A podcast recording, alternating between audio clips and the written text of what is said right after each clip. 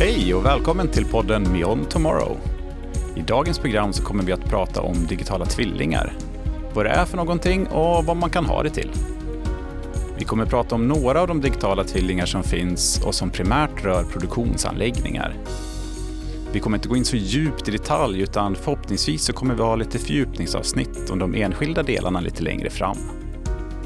Vi som kommer att diskutera det här är jag, Marcus Rickardsson, och med mig här har jag min kollega Robert Wilén.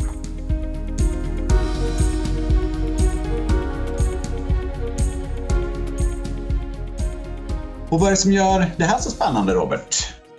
Det, det finns eh, mycket spännande kring eh, digitala tvillingar och eh, tanken med det här avsnittet är väl då att vi ska öka förståelsen för att det finns flera olika tvillingar och vad de är. Eh, samt eh, lite kring de olika nyttorna som finns med respektive tvilling. Eh, har vi någon erfarenhet av sånt här arbete då, Marcus? Det tycker jag väl ändå att vi har. Vi kan väl båda säga att vi i alla fall sedan 90-talet på något sätt har varit involverade i arbete med produktionsanläggningar, automation och anläggningsdata. Så att det här är ju som sagt inga inga jättenya revolutionerande saker som vi kommer att diskutera om, men eh, det händer ändå väldigt mycket utvecklingsmässigt. Varför ska vi använda digitala tvillingar som sagt? Mycket av det arbetet som, eh, som görs med digitala tvillingar är ju för att kvalitetssäkra dels arbetet men även själva anläggningen. Kort och gott att vi har bra ordning och reda på vår produktionsanläggning. Likväl som vi kanske har god ordning och reda på datan kring den produkten som vi producerar. Det medför också att vi kan göra både underhåll och konstruktion av saker och ting betydligt mer effektivare. Där vi har ehm, bra koll på vad vi utgår ifrån, vad vi ska ändra, när vi ska ändra det och till vad vi ska ändra det. Som sagt så finns det ett gäng olika digitala tvillingar och vi kan sektionera eller dela upp dem på lite olika sätt, eller hur Robert? Precis. Eh, vi har valt att titta på tre dimensioner av de digitala tvillingarna som berör produktionsanläggningar i stort och även kanske produkten till viss del. Eh, det, finns fler eh, och det, finns ju definitivt fler som kanske inte är så relaterade till just produktionsanläggningar. I, I, den första dimensionen så är det själva produkten eh, och där är det då framför allt eh, det här med 3D-modell och livscykelinformation om produkten och eh, alla ingående artiklar och liknande. Det är ingenting vi kommer fördjupa oss i specifikt idag. Den andra och den för oss stora är ju då den dimensionen som vi väljer att kalla produktionsanläggning. Och där har vi då en 3D-modell av själva anläggningen som sådan. Eh, vi har virtuell drift och simulering av anläggningen och vi har information om anläggningen. De här tre kommer vi fördjupa oss lite i under dagen här.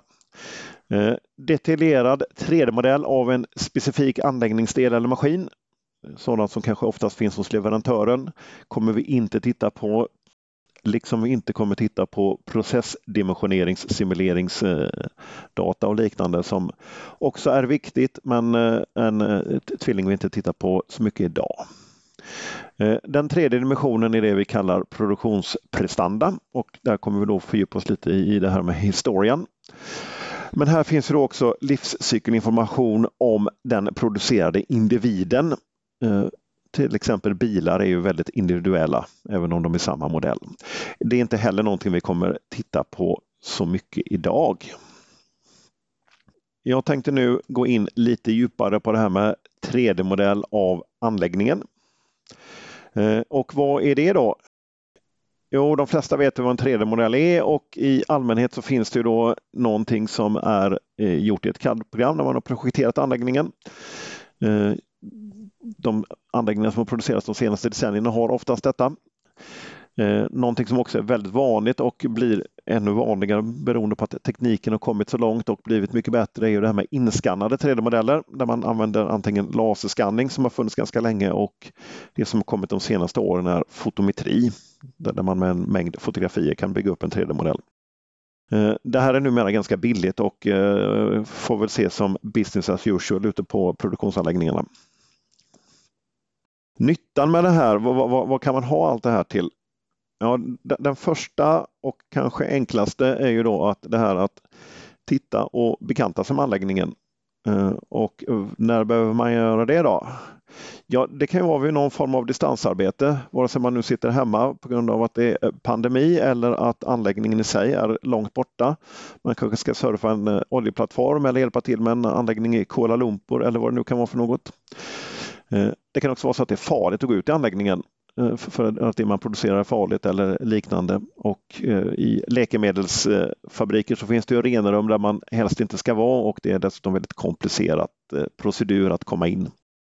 Och då, då kan det vara bra att göra detta på distans.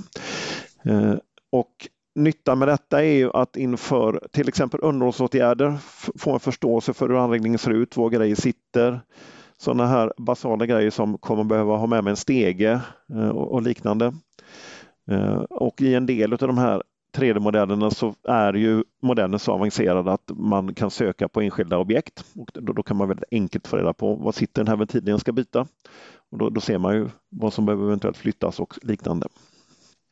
Det kan även vara bra i samband med att man ska flytta ut maskiner och liknande och se, får jag plats med att flytta ut den här eller behöva riva någonting? Eh, självklart även sådana här enkla grejer som att planera utrymningsvägar som är väldigt viktigt. Eh, och eh, man kanske vill veta om eh, man ska demontera en maskin för att få plats och få ut alla axlar och liknande. Här finns det svängrum för det. Eh, kan det finnas någon känslig utrustning i närheten som man behöver täcka för så den inte blir skadad? Eh, man kan då även simulera vissa underhållsåtgärder detta är väl framförallt då i anläggningar där det är dyrt och svårt att komma åt, typ en oljeplattform. För befintlig underhållspersonal och driftpersonal så kan man då även simulera lite sådana här nödsituationer och utrymningar och kanske vissa extremfall och liknande. Eh, sånt som eh, är svårt att jobba med i en riktig anläggning utan att eh, förstöra den på riktigt. Självklart är det då även en bas för nästa ombyggnad. Men Robert, det, det här låter inte som några jättenya saker heller. Det här är väl sånt som har pågått under väldigt lång tid inom eh, svensk industri men även på andra ställen också. Eh, precis, alltså eh, 3D-modeller av anläggningen det är ju någonting man har hållit på med åtminstone sedan 90-talet till stor del. Så det, det, här är ju i sig inget nytt. Det, det, som är lite trist är att eh, det finns väldigt mycket 3D-modeller tillgängliga men de används i väldigt, väldigt liten omfattning. I allmänhet finns det någon liten projekteringsgruppering på respektive fabrik som eh, har tillgång till de här modellerna och faktiskt använder dem. Och vi, tror väl att eh, svensk industri skulle tjäna väldigt mycket på att börja utnyttja de här i oändligt mycket större omfattning. Och, och som du säger, det här är ju data man redan har så, så det är ju sällan man kanske behöver skaffa den ens. Eh, och därmed så kanske det är dags att titta på ytterligare en av de här tvillingarna, Marcus. Ja, du tänker på om vi ska prata lite eh, tvilling för virtuell drift och simulering. Precis, vad är det för något? Låter spännande. Det är det absolut mest spännande om jag personligen själv får uttrycka mig om de digitala tvillingarna. Det är väl framför allt eh, när man kommer till eh, automationssystem exempelvis, att man kan simulera eh, sitt eh, system Eh, som man kanske har konstruerat eller eh, byggt om mot en tidigare, eh, mot en tidigare process så kan man köra det här systemet mot en digital tvilling som simulerar då den processen som man har ute i sin anläggning. Och det kan göras på lite olika nivåer. Det kan göras allt från att man får exempelvis öppna stänga svar från ventiler till att man kopplar på mer eh, större dynamiska eh, simuleringsbilder av hur eh, vissa olika medier reagerar i en reaktor exempelvis när man öppnar en ventil på en, till en viss mängd och en annan ventil i en annan mängd för att sen och startar en omrörare. Vad, vad händer då? Vad blir det för temperaturförändringar? Eh, behöver vi kyla? Vad händer då när vi kyler? Så det kan man bygga väldigt komplext eh, om man så skulle vilja och kan länka in det med beräkningar i MATLAB exempelvis. Och det här gör man ju som sagt mycket för att eh, få ner drifttiderna för att eh, när man ska implementera processförändringen Eh, och ombyggnationen i sin anläggning, att man inte behöver ha så långt stopp eller uppstart om det är en helt ny anläggning. Eh, här kan man också få med andra vinningar på köpet som att man kan ha med operatörerna under hela vägen när man testar av det här. Under verifieringsfasen så är operatörerna med och involverade så att när fabriken sen ska startas på riktigt, när vi har en riktig process där ute, så är operatörerna redan inkörda på hur systemet fungerar. De är bekanta med det och vet hur det kommer reagera och har man då också haft en väldigt dynamisk simulering med så kommer de också kunna ha en känsla för hur processen kommer gå. Uh, här kan man också lägga på och simulera eh, extrema driftfall som man kanske inte vill ska hända någonsin. Eller att det är fall som kanske inträffar en gång var fjärde år, kanske vid en uppstart eller en nedstängning av en anläggning. Och då eh, är det inte alla operatörer som ja, kommer utsättas för det så många gånger i sitt, eh, i sitt arbete. Så då får de möjlighet att eh, träna och utsättas för det i en eh, trygg och säker miljö på sidan av. Spännande. Eh, och eh, då tänkte jag prata lite om det här med information om anläggningen. Eh, som väl är den eh, tvillingen som jag själv har jobbat mest med de senaste åren. Eh, och vad, vad, vad, är det för något kan man ju undra då? Jo, det är ju till en anläggning så finns det ju en enorm mängd teknisk information. Teknisk anläggningsinformation brukar vi kalla det. Och det, är ju allt från enskilda data som kanske finns i något Excel-ark på tryck och temperatur och vad det nu kan vara till det finns datablad, det finns manualer, det finns instruktioner, det finns reservdelslistor och liknande. Allt det här är ju då dokument som finns lite här och där oftast. Eh, vi, vi, har valt att kalla detta för, eh, eller vi har inte valt utan det, det, brukar kallas faktiskt för DDMS, Data and Document Management System. Är inte det här grejer som redan finns eh, i ett underhållssystem exempelvis hos en Jo, eh, frågar du underhållssystemsleverantörerna så kommer de nog säga att men allt det där finns redan så att eh, det behöver inte bry dig om. Men i verkligheten finns det inte det för att de går inte så djupt att du kan eh, få, få reda på eh, enskild eh, fysikalisk data, till exempel drifttemperatur på en ventil i systemet, utan de kommer oftast från ett ekonomiperspektiv. Så det, det, är lite basal. Vad är det för grej? Vad är det för leverantör och liknande? Men den tekniska informationen finns inte där. Så tyvärr är det så att det, det är någonting som behöver komplettera det befintliga underhållssystemet som man behöver införa eller rationalisera av det man redan har. Eh, och idag är det tyvärr ofta så att den här informationen är utspridd på diverse SharePoints, eh, lokala file shares och kanske till och med någon enskild eh, PC i värsta fall. Men om det här det verkar ju ändå fungera med befintliga underhållssystem och den här utspridden och det har varit så i så många, så många år. Eh, vad skapar just ett sånt här eh, Data and Document Management System för reellt värde? Eh, framförallt så sparar det ju väldigt mycket tid för att idag lägger underhållspersonalen framförallt då eh, väldigt, väldigt mycket tid på att leta och verifiera information inför varje underhållsåtgärd. För att dokument finns överallt, eh, enskilda data finns på flera ställen och när man då väl hittar lite olika dokument så kan de då i värsta fall dessutom visa olika, vilket gör att oftast får man ta på sig overallen och gå ut i fabriken och titta vad är det som sitter monterat och, och ta det därifrån. Eh, så, så, vi ser väl att det finns stora fördelar för underhållspersonalen att spara ganska mycket tid och framförallt att man kan lita på datan. Eh, men för till exempel läkemedelsfabrik så är det även väldigt viktigt inför inspektioner och liknande när myndigheterna kommer och frågar om ditten och datten. Det är självklart även en väldigt bra bas inför om och tillbyggnader eh, och Någonting som blir ännu mer aktuellt är då inför avvecklingar och eh, potentiell återanvändning av vissa komponenter som ju eh, faktiskt går mot mer och mer att inte bara slänga allt utan faktiskt kunna återanvända det. Och eh, vi ser då att det finns en jättefördel här att man inte har olika system utan att all, både data och dokument finns i ett system. Alltså inte bara ett vanligt dokumenthanteringssystem. Eh, och det, det, som händer väldigt mycket just nu är ju då att man dessutom går in i mobila lösningar så att man kommer åt sin information både på surfplattor eller sin telefon när man är ute i anläggningen. Eh, och eh, vad man än väljer så ska det självklart stödja att det finns mycket externa parter för det är ju väldigt många externa företag som är inblandade i drift och underhåll av en anläggning, experter av olika slag. Och då tror jag att vi ska prata lite om historien här, Marcus, misstänker jag. Ja, om vi kommer vidare lite grann där på den vi pratade om eh, tvillingar för produktionsprestanda eh, så har vi som sagt historians. Och eh, historians är ju till för att egentligen spara historisk information.